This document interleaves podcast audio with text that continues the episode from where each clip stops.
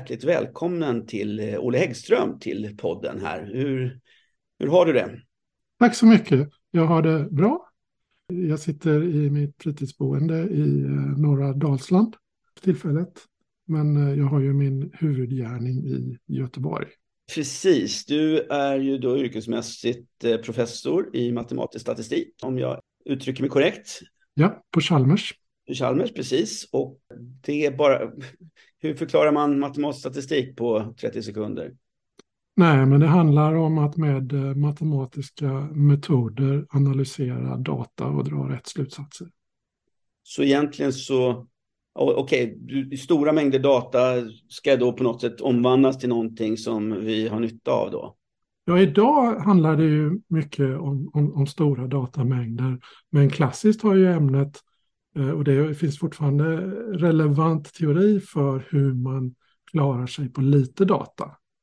Eh, ibland har du inte mer data än du har. Och då måste och, du naturligtvis ha metoder för att hantera det du, du har så att säga. Ja, precis. Och mycket av teorin här kretsar kring kvantifiering och osäkerhet. Ja, och kan du bara liksom, vi ska, vi ska ju så småningom prata om, vi ska prata om schack och vi ska prata om AI, artificiell intelligens, som är ett av dina områden där du har varit mycket aktiv de senaste åren och, och så. Men kan du ge liksom någon, någon typ av exempel som är väldigt tydligt på när den vetenskapen som du representerar är liksom, ja, väldigt viktig utan att vi kanske egentligen vet om det? Den är ju viktig för i princip alla andra vetenskaper. Eller alla empiriska vetenskaper, alla eh, vetenskaper som sysslar med att eh, experimentellt eller med observationer studera världen. Hur man mäter saker och alla mätvärden, hur man ska tolka de här ja. mätvärdena då på något sätt. Ja, och eh, jag menar jag kan hämta exempel från vilket område som helst, men ett område där vetenskapen har gjort allra mest för att förbättra våra liv, det handlar ju om medicin och eh, läkemedelsutveckling. Mm. Och där behöver man då göra studier för att se att läkemedel fungerar, att de inte har biverkningar och så vidare. Det räcker inte att, att gå på känsla där och, och titta, här har, har, man en grupp som har fått medicinen och så har man en kontrollgrupp och så tycker man att ja, men det här ser ut att vara en effekt. Utan det där behöver man titta på matematiskt och skälet till det är bland annat att, att vi människor har en inre bias mot att övertricka när vi ser någonting. Att, att uh, tycka, vi har en tendens att se mönster i det som i själva verket kanske bara vi, le, vi, har, vi har liksom en, en bias mot att leta mönster, att hitta, se saker. Just det. Så det, och, och, och det blir en övertryggning då. Det var jättebra på savannen när det var ett mycket allvarligare misstag att missa ett lejon som lurade i busken. Jämfört med... Man gör tre misstag utan att det var ett stort problem, eller hur? Liksom, ja, ja, precis. Och nu då så behöver vi korrigera för det för att kunna bedriva rigorös vetenskap. Och där är matematisk statistik ett viktigt redskap. Ja, och där är du liksom en av de främre företrädarna i Sverige i alla fall för den här vetenskapen. Och eh, det, vi, vi ska återkomma lite grann till det. Men jag tänkte, du och jag har stött på varandra ganska ja, till och från genom åren eftersom vi har spelat schack eh, både tillsammans och parallellt med varandra. Eh, lika gamla och har väl ungefär lika duktiga och lika misslyckade karriärer bakom ja. oss. Den stilen, kan man säga så? Ja, eller om det är så att vi har prioriterat båda två i något läge att eh, ja, men det här med att bli stormästare är kanske inte rätt grej att satsa på. Jag vet inte hur du Nej. har tänkt i det avseendet, men för mig var det ganska tidigt så att jag såg att det fanns annat i livet som gav mer.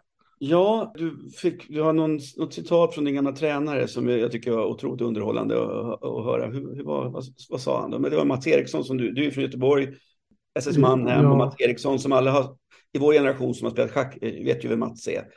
Han var faktiskt aldrig min tränare. Jag kom till Göteborg som 19-åring. Eh, Då hade jag liksom passerat allt det där med juniorträning och sånt. Men, men, men eh, han var ju en väldigt, väldigt viktig person i mannen då. Och sen några år senare då, då omkring millennieskiftet, jag var typ 32 år gammal, så sa han sådär som man kunde göra då. Att ja, jag har en sak jag vill prata med dig om. Kan vi gå undan här? Ja, visst. Och så sa han att ja, du Olle, du eh, har ju någon slags eh, schacktalang. Det är ju tydligt. Men du har ju stagnerat betänkligt på senare år. Och för mig var liksom inte det konstigt då, om jag var 32 år och då liksom... Eh, och inte, och inte satsat särskilt hårt på de senaste 12 åren. Ja, sånt, ja, ja han planade ut och det liksom, han tyckte, han såg det där som ett, ett problem och lösningen på det var att jag, är det inte dags att jag liksom kavlar upp skjortärmarna och gör en satsning då för att se hur bra det kan bli. Då förklarade jag för honom att jag har ett par intellektuella huvudintressen här i livet. Det ena är schack och det andra är matematik. Båda ger mig liksom jättemycket stimulans och så. Jag tycker det är fantastiskt roliga saker att hålla på med. Men, men det finns en skillnad mellan dem. Och det, när det gäller matematiken då, när jag jobbar med det så genererar det. Jag, jag får akademiska titlar, jag får pengar i lönekuvertet. Jag har börjat få en hyfsad karriär och kanske snudd på någon slags samhällsställning också. Och schacket ger mig ingenting utav det där då, utan det är bara liksom kostar pengar och sa jag till Mats. Lönerna, tittar... lönerna är inte så höga för en, en, en halvtaskig schackspelare. Det kan, tyvärr, tyvärr är det ju så, men ja, nej, jag känner Nej, nej inte ens för normalpresterande stormästare är nej, det särskilt bra. Men då tittade Mats på mig ungefär som att jag sagt något outsägligt korkat och sa att nej, men så där kan man väl ändå inte tänka. Det blir ju en ond cirkel. Att just det, precis. Ja. För honom var det så. Ja, ja. Det var liksom, jag tyckte det var en charmerande illustration av hans perspektiv på tillvaron. Alltså, han sa ju detta med glimten i ögat också. Så att, eh, jag tror han förstod vad han sa, det roliga i situationen. Då. Men det, det, det här är ett av många mycket positiva minnen av Mats Eriksson. Han var en originell person med ett gott hjärta och det var väldigt sorgligt att han gick bort så i förtid. Ja, det var väldigt sorgligt. Det var bara ett par år sedan som det blev, ja. så. Och, nej, men som sagt, för vår generation, plus minus ett antal år, så, så vet man ju hur, mycket, hur viktig han var för schacket i Göteborg och för att många ungdomar, då, även om du kom dit lite senare, så var det ju många ja, många, ja. många, många, många, många ungdomar som kan tacka Mats Eriksson för att liksom, de fick möjligheten att utvecklas i, i, inom Göteborgsschacket. Så är det. Mm. Ja, men det här med intellektuella stimulansen och schacket då. Jag kan ju förstå vad du menar när du liksom säger att det finns två par, man har olika intellektuella liksom utmaningar och så vidare, men, men det ger inte så, inga utsikter till försörjning direkt och så. Men har du slutat spela schack helt och hållet eller har liksom, har du, eh, för att man kan ju göra det utan att tjäna pengar. Om det är så att man eh, tar in brödpengarna någon annanstans ifrån.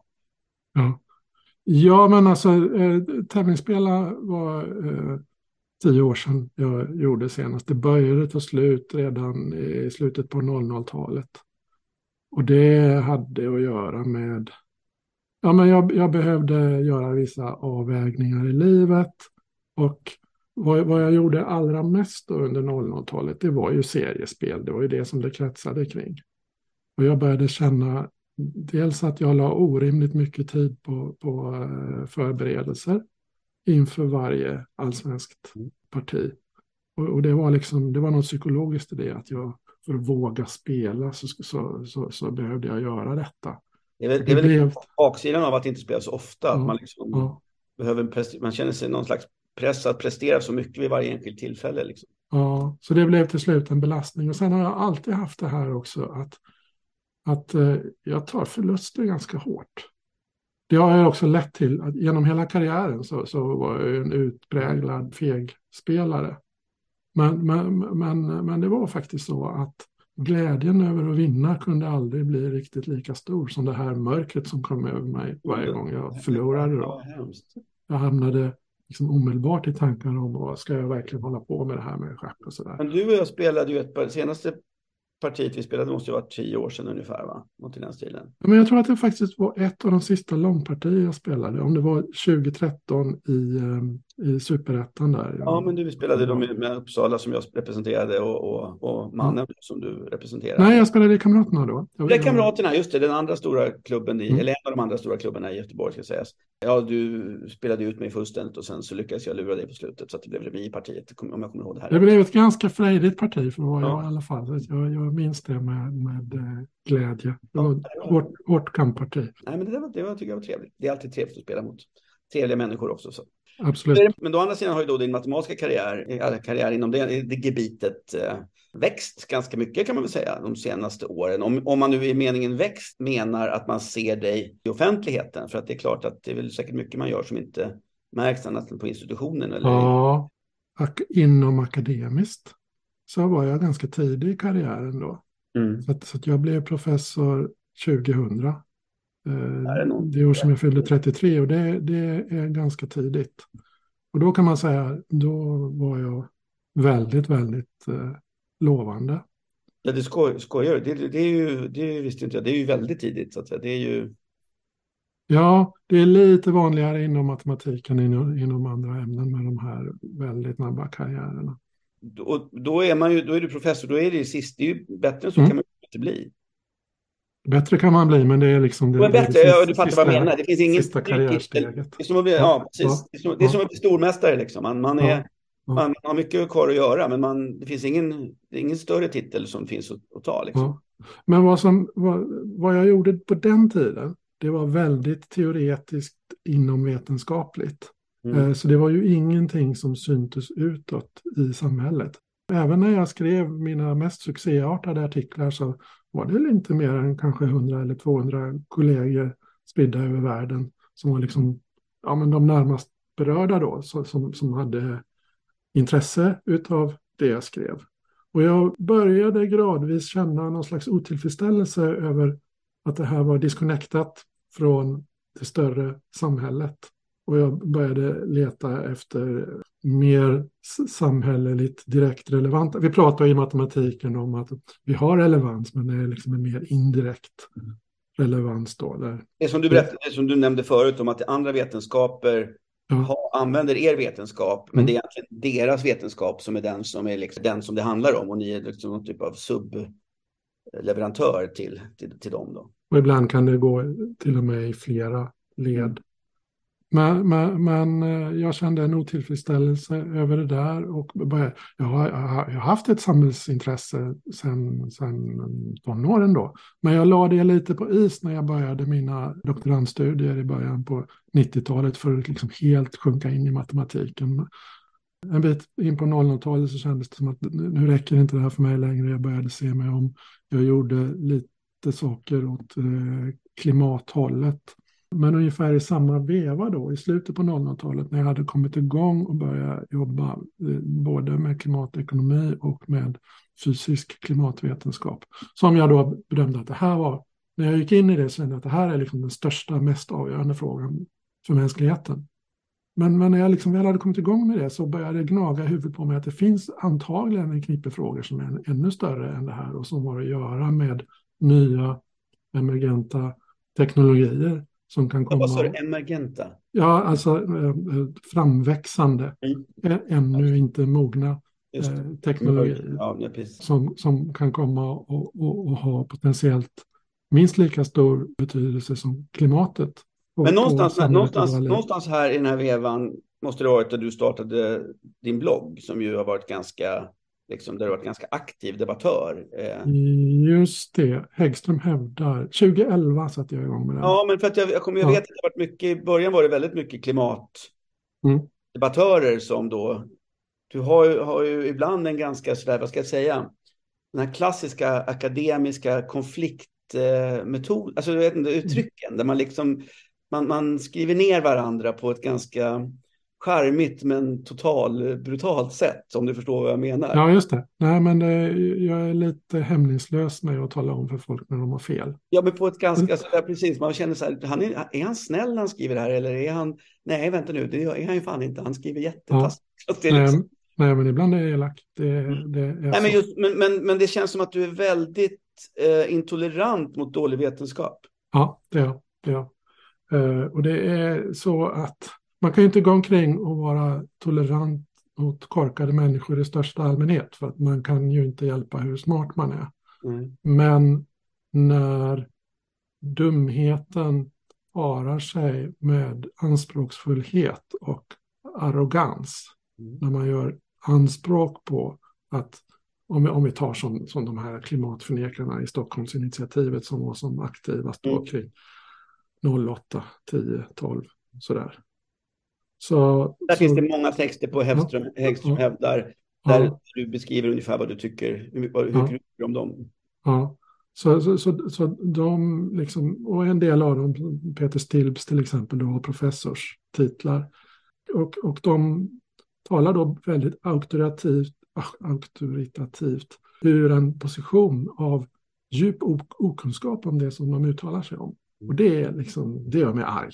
Mm, ja, men det, det, jag tycker att det är väldigt, eh, väldigt välgörande liksom för att få saker där man inte själv, som jag då inte behärskar ju inte den här vetenskapen, så är det ju väldigt, ja, det är väldigt skönt att kunna läsa folk som vet vad de pratar om och faktiskt kan ja, ta bladet från munnen om en del saker. Det tycker jag det är väldigt trevligt att läsa.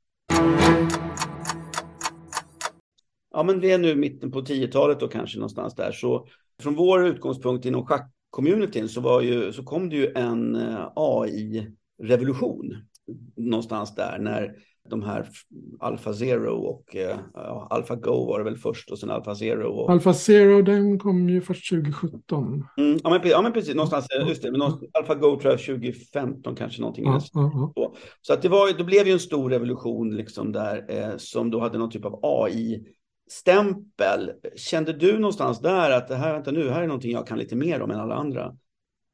Alltså, jag hade ju från början av 10-talet kommit att fokusera mer och mer på AI-frågan och så var det var den här som jag tyckte hade potential och, och, och var lika stor och viktig som klimatfrågan men var betydligt mer underskattad så att där jag skulle kunna göra lite skillnad.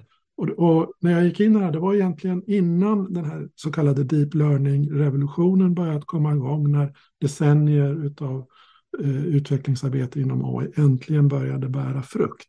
Men ett av de tydligaste ögonblicken för mig på att nu verkligen händer det saker, det var då hösten 2017 när DeepMind släppte AlphaZero.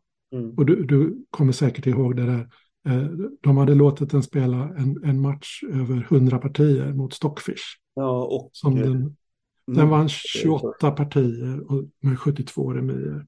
Ja, det där var för mig, det för, för schackvärlden var det här en, det var en total revolution. Jag kommer ihåg när hur man själv liksom tittade på de här partierna som presenterade, för de, var ju lite hemlighetsfulla från början och presenterade bara tiotal partier tror jag. De här. Ja, ja precis. Eh, men det var väl naturligtvis de, mer, de mest eh, signifikanta också som de kanske presenterade och det var ju det var ju faktiskt, det är svårt att förklara för någon som inte förstår schack särskilt bra hur omvälvande de här partierna faktiskt var. Nej men det var helt otroligt för att det här med, med um, schackdatorer som slår människor, det var ju ingenting nytt såklart utan det var mm. ju, uh, går ju tillbaka till 90-talet då och, och Deep Blue. 97 det, det, som, det var det stora ögonblicket då när man mot Kasparov. Ja, men under hela den tiden då, de nästföljande 20 åren, så kändes det ju som att schackdatorerna var en slags räknemaskiner som eh, kompenserade. Ja, de. ja.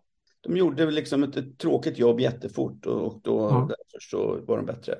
Ja, men, men att man inte riktigt upplevde att de liksom hade känsla på samma sätt. Mm. Eh, de, var, de räknade tillräckligt bra för, för, för att krossa oss. Men när jag såg de här eh, partierna som DeepMind släppte då eh, från, från AlphaZero mm. så kände jag att här har vi en AI som uppfinner nya positionella koncept. Mm. Och det var liksom, jag fick svindel av det.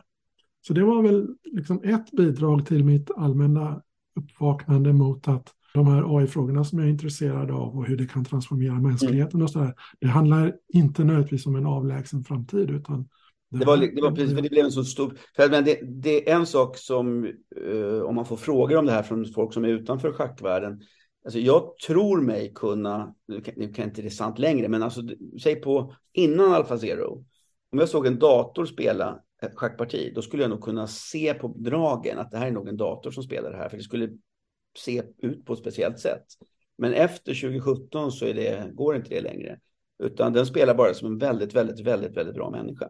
Mm. Och det är ju eh, en, det är en, det är en helt annat sätt. Och som du säger, det, det är en del koncept som de ja, uppfann då, som ju människorna har bara tagit efter. Och så vissa saker i schackpartier kan vi nu se där att det kommer... Världseliten springer ju med kantbönder mycket frejdigare ja, nu. H, precis, H-bonden ska gå till H6 och, och, och låta kungen vara få, få drag, eller kunna göra få drag och så vidare. Nej, men det är en del grejer. Det, är ty, det, det, gjorde man inte förut och det gör man nu. Och det, ja, det, jag håller bara med dig där, men du drog det här ett steg längre och kunde liksom se det här som en turning point i, i, i tänkandet kring hur snabbt går utvecklingen? Eller tolkar jag det rätt då? Ja, alltså jag vill inte beskriva det som att eh, Alpha Zero i sig var den Nej. stora vändpunkten i AI-utvecklingen. Utan det var mer att tack vare min bakgrund inom schacket så blev det för mig personligen Nej. så väldigt tydligt. Ja, då ser jag de här GPT-modellerna som OpenAI successivt har släppt då, från 2019 och framåt som eh, betydligt större revolution inom AI. Din, eh, vad ska jag säga, eh, roll i den här debatten kring AI, om jag liksom ska beskriva den så tolkar jag den som att det du pratar om är mycket om risk, AI-risker. Vilka risker mm. kan ett vårdslöst hanterande av den här tekniken innebära liksom för mänskligheten? Och du har ju skrivit en bok som heter Tänkande maskiner som är mycket, mycket läsvärd och den har kommit ut med en ny upplaga alldeles nyligen, mm. härom veckan tror jag, om jag har förstått det rätt. Ja, precis. Jag, jag vill mena att det här säger någonting om hastigheten i AI-utvecklingen. Första upplagan av Tänkande maskiner kom våren 2021. Nej. Det är inte jättelänge sedan, det är två och ett halvt år sedan. Och bara efter något år eller så, så började jag tveka inför att rekommendera folk att läsa den. Därför att jag tyckte att eh, det, utvecklingen har gått så fort nu så att, så att, om du läser den här boken och tar den som state of the art AI så har du missat en, ja, en, en, och, och, och, då tycker man själv att han har inte hängt med alls den här författaren. så det är en rejält utvidgad, eh, reviderad upplaga då som kom ut i förra månaden då, november eh, 2023. Som jag i nuläget är nöjd med, men som om ett halvår så kommer den att vara föråldrad också. Nej, men jag tänker så här att en av de sakerna som du i, i, i ursprungsboken då på ett ganska pedagogiskt sätt, tycker jag själv i alla fall, försökte ja, förklara det då, det är ju skillnaden mellan en specialiserad AI på till exempel schack eller till exempel på vad som helst. Mm. Eh, som ju, om jag nu återigen tolkar det rätt, inte på något sätt är något hot mot någonting annat än möjligen schackstormästarnas levebröd eller någonting i den stilen. Men en generell intelligens som skulle kunna ta beslut oberoende av den, här, den specifika kontexten den är skapad i, av det som då du kallar för AGI, artificiell generell intelligens, när den går för långt, eller för långt, när den går tillräckligt långt så kan, kommer den ta beslut som är helt oberoende av alla människor och då vet vi inte vilken typ av beslut som den kommer att ta. Har jag tolkat dig rätt ungefär? Någorlunda. Eh, jag, jag vill se det som att när vi har skapat tillräckligt avancerad intelligens av den här bredare karaktären då jag pratar inte lika mycket om AGI längre som, som jag gjorde 2021.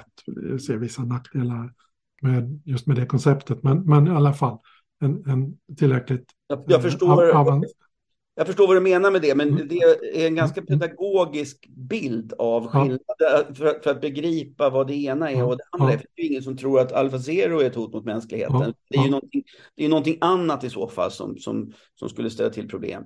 Men kärnan i när jag pratar om, om riskerna med en sån här avancerad AI, det är att när den har blivit så avancerad så att den kan ta makten. Och det vill liksom, vi, kan inte, vi kan inte skapa en situation när vi lever med en överlägset intelligent varelse och vi i evighet håller den liksom i, i koppel och, och behåller makten själva. Det är inte realistiskt. Men då kommer allting att hänga på vad den har för mål och motivationer. Så det gäller för oss att i förväg se till att de här målen är något som, som, som gynnar oss då, som är i linje med mänsklig välfärd, med mänsklig blomstring eller vad det nu är vi mm. vill ha. För om vi struntar i den biten, då kan vi räkna med att det går åt skogen. Bilden som används förut, det här med GM-tillverkning, eller man säger att man ja. liksom, om, om det råkar vara så att den här den intelligensen, om det råkade vara så att den fick uppdrag att göra gem just i det ögonblicket där den slog över och blev bättre än människan, då kommer hela mm. mänskligheten bli gem. Bortsett från att det är en liten konstig bild, är det ändå en, det vi pratar om? För det? Är det liksom den typen av bilder vi pratar om? Ja, delvis. Och eh, valet av gem här är, är ju, du, du, beskriver det som konstigt och det, och, och det är ju konstigt. Men eh, exemplet är avsiktligt valt för att vara lite drastiskt och för att peka på att om vi inte är noga med vad en AI kommer att värdera och optimera mot så kommer den att ha värderingar som är mycket, mycket väsensskilda från allt vad vi tänker på som eh, mänskliga värderingar. Det vore ju liksom, för dig och mig så är det fullständigt självklart att, att saker som biodiversitet och mänsklig blomstring och sånt är viktigare saker än gemtillverkning. Mm. Men för en gemtillverkare så kan det framstå som, som tvärtom. Då. Så att det är ett sätt att försöka lyfta oss ur det här antropocentriska tänket att det som vi tycker är viktigt kommer varje tillräckligt intelligent varelse att tycka är viktigt. Så är det inte. Det är Men, precis som med schacket. Det finns intelligenta varelser som inte alls bryr sig om schack. Det har vi redan. Du beskriver då, det, det du eh, vill göra, och det är ju många med dig då, det var ju ett upprop här för något år sedan, man sa snälla ta det lugnt nu, det var i samband med någon, något släpp från OpenAIs, eh, tror jag, där man sa kan vi inte ta en liten break, ett litet break i eh, teknikutvecklingen och fundera på vad vi faktiskt håller på med. Mm. Som signerades av ganska många internationella storheter, bland annat dig då. Mm. Eh, upplever du att den oro som beskrevs i det uppropet har tagits på allvar? Det här var ju i mars i år, mm. eh, kort efter släppet av eh, GPT-4 som fortfarande är OpenAIs eh, eh, flaggskepp. Det vi talade för, det var ju inte ett allmänt stopp av AI-utveckling, utan bara träningen av de här allra, allra största och i vår uppfattning då farligaste modellerna. Det var nog ingen av oss egentligen som tänkte att det här med sex månaders stopp som, som, som det var det som vi la på bordet för diskussion då, att det i sig skulle vara lösningen på någonting, utan det var bara för att skapa konkretion i debatten. Sen har det gått sex månader sedan dess och mer till och vi har inte sett något stopp. Senast igår så, så släppte ju Google DeepMind sin nya produkt Gemini som jag inte har, har hunnit titta närmare på än men som sägs vara i vissa avseenden då ännu bättre än, än GPT-4. Så att utvecklingen har rullat på. Men det här bi brevet bidrog väldigt mycket till att lyfta diskussionen och det kan man säga att det var ju vårt egentliga syfte med det här brevet. Så att liksom världsledare som, som, som eh, Rishi Sunak och Ursula von der Leyen och även Joe Biden har ju börjat prata om de här frågorna på ett sätt som fortfarande för ett år sedan var otänkbart. Och, och faktiskt, om vi backar ett och ett halvt år i alla fall, till typ sommaren 2022, så var det fortfarande helt tabu att prata om att bromsa utvecklingen. Då var man liksom teknikfientlig och bakåtsträvare och sådär. Så att jag hade börjat få sådana tankar med att, att för att hinna lösa den här avgörande frågan då, som vi kallar för AI alignment, som, som är att se till att få den här övergången till avancerad AI att vara kontrollerad och se till att, att, att, att få maskinerna att ha rätt målsättningar och, och, och drivkrafter och så.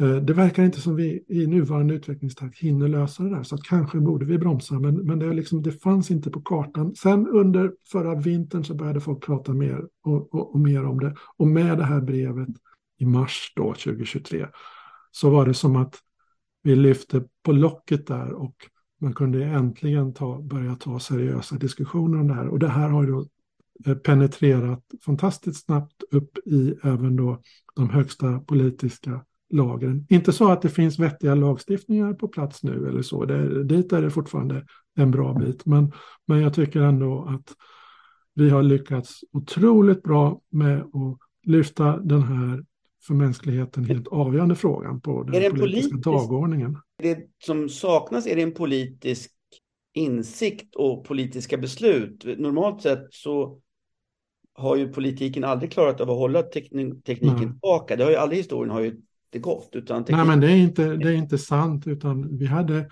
kunnat till exempel ha mänsklig kloning sen eh, åtminstone ett decennium, kanske ett par decennium tillbaka om vi inte hade tagit internationella beslut kring att vi sysslar inte med eh, den typen utav genteknik. Det finns andra exempel kring geoengineering och annat där vi faktiskt har visat återhållsamhet i tekniken. Men det är ju svårare att, att, att ha den här återhållsamheten ju större ekonomisk potential tekniken har. Och mm. AI har förmodligen den största ekonomiska potentialen av dem alla. Så det är liksom, utmaningen nu är större än den någonsin har varit. Och det slåss, de slåss ju som du beskriver nu. Google kommer med sin och så har vi, de, alltså, de stora jättarna har ju naturligtvis sina respektive Precis, eh, det är en kapplöpningssituation. Det är en kapplöpningssituation på flera plan därför att dels har vi de här kaliforniska bolagen som tävlar mot varandra då. Jag beskriver DeepMind som, även som kaliforniskt fast de har sitt säte i London då, men de kontrolleras ju av Google. Det är väldigt mycket en intern San Francisco, Silicon Valley-grej hela det här racet då.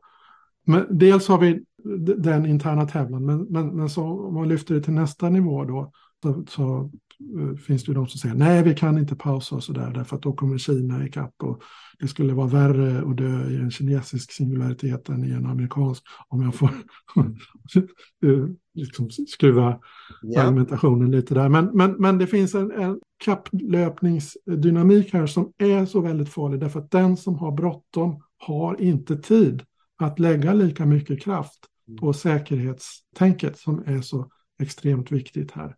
Och därför, till och med de här ledande företagen själva då, OpenAI och Anthropic och så vidare, de pratar ju själva om behovet av reglering. Därför mm. att de kan inte lösa det här. Det, I den här diskussionen om risker så finns det ju då ganska många personer, även liksom, eh, jag på säga matematiker och andra, som, som säger att det här är väl inte så farligt. Det, är inte, det har jag ju läst från både den ena och den andra som tycker att men snälla, snälla Olle, ta det lugnt här nu. Det, låt dem hålla på. Vi kommer, det, det, här hanterar vi enkelt. För det finns ju liksom en debatt om det här är seriösa ja. risker eller inte seriösa risker. Ja. Kan jag tycka är lite överraskande. Hur, alltså, om vi bortser från att du är en part i den här, hur kan du, hur kan du förklara att det liksom finns så olika syn på de här riskerna? De scenarier som vi, de katastrofscenarier då som vi i värsta fall har framför oss, de är ju väldigt kontraintuitiva. Du, du väntar dig inte att, att, att liksom maskiner ska, ska börja få egen vilja och egen agens och så vidare och kunna ha syn. Din brödrost gör ju inget annat än precis det, det du vill. Mm. Och, och det, det, vill man ju gärna då tänka att det ska även gälla våra datorer och så. Och det, så har det varit i stort sett fram till nu. Men när vi bygger in mer och mer avancerad intelligens i, i de här maskinerna så blir situationen en annan. Men det här kan vara enormt svårt, även för en del av de bästa AI-forskarna då, att ta till sig intuitivt den här problematiken då.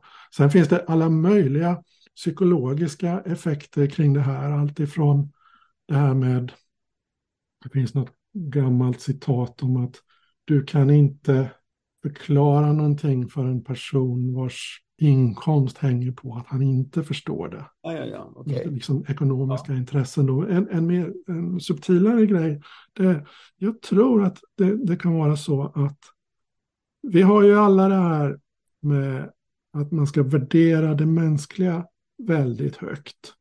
Och vi har ju, ja men återigen kan vi ta schacket. Nej, schacket kanske inte är ett bra exempel här, för här nu är vi ju faktiskt överens om att, att AlphaZero gör saker som mänskliga spelare inte kan. Men det här med liksom mänsklig roman, konst, musik, alla de här sakerna då. Det här att vi värderar mänskligt skapande så väldigt högt. Det gör att om jag kommer och säger att nej men det där skulle en AI eh, kunna göra. Då blir det som ett eh, nedvärderande av det mänskliga. Och jag tror att för många tänkare på det här området så blir det här mer eller mindre omedvetet då. Ett sätt för dem att hålla tillbaka de här tankarna om AIs potential. Därför att man vill inte framstå som den här brutala cellen som tycker att människor egentligen bara är liksom maskiner. Och det finns inget mänskligt som vi inte kan automatisera. Men det är ju ändå så att det finns liksom personer som jag tror också även du så att säga, vetenskapligt respekterar som ändå har kommit till en annan slutsats än du om hur stora riskerna är. Ja, men det, det, det finns en gräns där. Ja. Och, och eh, i takt med den väldigt dramatiska utvecklingen under 2022 och 2023 som vi har sett så har jag börjat komma till en punkt där, där jag inte riktigt längre kan respektera de som säger att de här riskerna inte finns. Jag, jag, jag kan förstå de som säger att eh, vi kommer troligen att eh, kunna hantera det här av olika skäl och så. Men, men, men säger man att risken är noll och att artificiell generell intelligens inte finns på radarn, då, då har man liksom gått ner sig. ja, ja. Så, så att det, det, har ju varit så under alla år då som jag har framträtt i pressen i de här frågorna, så har journalister ibland frågat mig om, ja men vem skulle du rekommendera som står för motsatt ståndpunkt här, som säger att de här riskerna inte finns? Mm. Och fram till för ungefär ett år sedan så gav jag dem namn. Och nu säger jag till dem att nej, jag kan inte, nu, du får leta själv. De här personerna finns, men jag kan inte ta på mitt samvete att rekommendera dem därför att deras position är i mina ögon inte. En av de sakerna som jag reagerar på när jag läser det som du beskrev om att det här kommer vi att kunna hantera. Och när jag läser en sån mening, eh, någon säger det, så undrar jag när då och vem då? För att historiskt sett så har det ju funnits massa kriser. Det har varit atombomber, det har varit miljöförstöring. Alltså det har mänskligheten har ju stått för massa problem. Och då är det ju andra människor som hanterat dem. Nu är det ju de som ska hantera det, är ju vi runt Alltså det är vi själva som ska göra det. Det är ju inte någon annan som kommer göra detta, hantera det här. Ja. Jag tror på något sätt att det är den typen av bild de har. Att det kommer ju någon annan lösa åt oss. Och jag tror inte någon annan kan lösa det åt oss. Utan är... Nej, och det är till och med så att den allra främste företrädaren för den här ståndpunkten som du beskriver här, mm. det är ju Jan LeCun som är chef för Metas AI-forskningsavdelning. De ligger inte i den absoluta frontlinjen, utan är kanske nummer fem eller nummer sex bland de mest framgångsrika AI-lärarna. Ja, Meta, det är Facebook-koncernen. Ja, precis, precis. Och Jan LeCun är ju en extremt meriterad eh, AI-forskare. Men han har hamnat i att vara totalt nedlåtande mot allt som handlar om risk och säkerhetstänk. Och en, liksom, ett centralt argument hos honom är att vi, vi, vi är så bra på säkerhet så, så, att, så att vi kommer att lösa det här. Och det är en sån vanvettig position därför att sättet, du är ju inne på det här själv, sättet att lösa det här är ju inte att sopa problemen under mattan och vifta undan dem, så som, som eh, Jan LeCun gör. Han för ju alla möjliga ja. eh, liksom argumentationslinjer parallellt här så att jag, jag kan inte göra honom rätt göra honom till personen. Men, men, men vad som faktiskt kan nämnas i det här sammanhanget, det kom en studie för någon månad sedan som tittade på eh, de ledande AI-utvecklarna och deras säkerhetspolicies och lite grann rangordnade dem. Och, och, både OpenAI och Anthropic då kom relativt högt och Google DeepMind lite efter och, och så vidare. Och Facebook Meta stack faktiskt ut där i sin dålighet. Om vi leker med tanken nu att du eh, och din ståndpunkt att den slår igenom på bred front och att vi klarar av att hitta ett sätt att hantera det här. För att eh, eh, alternativet är ju, om, vi, om du misslyckas då kommer vi inte märka det för över en sekund så är vi väl borta allihopa bara. Men om vi säger att okej, okay, vi klarar av att hantera det här. Vad kommer AI men till exempel, inte vet jag, i schack, i konst, i litteratur. Vad kommer vi ha som ser annorlunda ut än vad det gör idag? Kommer Allt vi... kommer att vara annorlunda. Vi, vi kommer, alltså om vi löser det här och jag tror att vi kan om vi tar det lugnt och om vi prioriterar säkerhet tillräckligt. Men vi kommer att få en situation där vi har maskiner som kan göra allt som vi kan göra mycket bättre. Mm. Eh, och snabbare och effektivare och billigare. Och vi kommer att, få enkla lösningar på alla de stora globala problemen som vi ser idag då kring klimat och global hälsa. Ja, men på hälsoområdet så tror jag att vi i princip kan avskaffa döden. Är, Inte helt, det, kanske. det är en lite udda tanke förstås. Men det, ja. ja, men jag tror att liksom, det finns inga fysikaliska lagar som, som förhindrar detta i alla fall, utan det handlar om att hitta intelligenta metoder och det kan vi göra då med tillräckligt avancerad AI. Och fattigdom kommer inte att finnas och sådär, om vi får till det här rätt samhällsstruktur. Men, men frågan är då, eh, vad händer, hur ska vi organisera våra liv när vi inte längre behöver arbeta? Och vägen dit, jag menar på ett, på ett vis så 100% arbetslöshet är ju någon slags total eh, jämlikhet ur arbetsmarknadshänseende i alla fall. Men vägen dit kommer ju antagligen att vara successiv. Och, och, och, och det liksom känns ju fruktansvärt med ett samhälle med 20% och 50% och kanske 90% arbetslöshet och nivåer som vi kommer att gå via. Så ja, men arbetslöshet, en, arbetslöshet som ord har ju negativa konnotationer. Det kanske ja. det kommer ha i den här kontexten. Då kanske Nej, vara... just det. Utan, utan ser man det liksom stort och utopiskt så handlar det ju om att tekniken ska befria oss från det här löneslaveriet som vi ägnar oss åt. Mm. Men där är vi ju inte ännu och folk sitter ju väldigt fast i sina liv där de är, är beroende av sina löner. Så det har ju varit väldigt mycket tal om vilka yrkeskategorier som är mest utsatta för automatisering och sådär. Och där har det har ju funnits en föreställning och jag tror att du kan hitta den redan i första upplagan av min bok. Absolut. Då, den här 2021. Om att... White collar, blue collar historien här, vem som egentligen förlorar jobben först. Just det, att, att vi har ju alltid tänkt oss att det är de, liksom de fysiska och de manuella arbetena som, som ryker först då. Och, och vi som sysslar med intellektuella och kreativa sysslor, vi sitter säkra då. Men de stora språkmodellerna som, som har kommit de senaste åren då, de vänder lite grann upp och ner på det där. Och jag tror att rörmokaren som jag anlitar kanske ändå liksom har ur, den här, ur automatiseringssynpunkt då, en säkrare sits lite längre äh, än vad jag har. Mm. Och det är liksom, så tänkte man ju inte för, för några Nej. år sedan.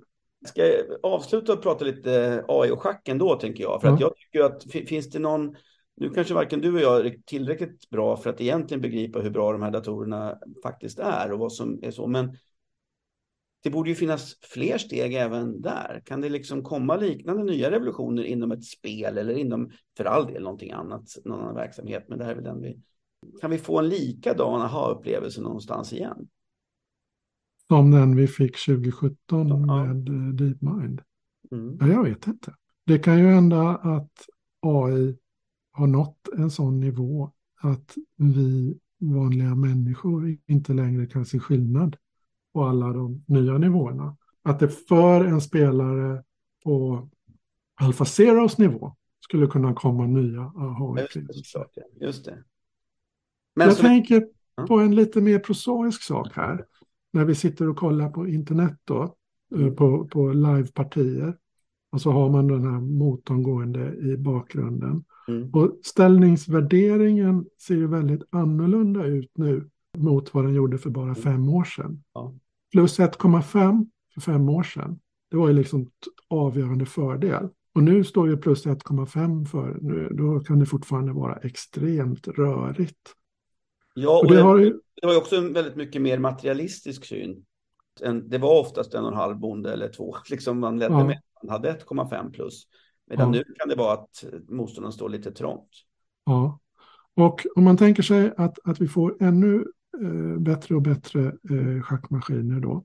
Så i gräns, när vi tänker oss att de faktiskt löser schacket, vilket inte går att göra med brute force, på grund av den kombinatoriska explosionen. Men, men, men det finns ingenting som, som bevisar att det inte skulle finnas andra metoder att, att, att faktiskt...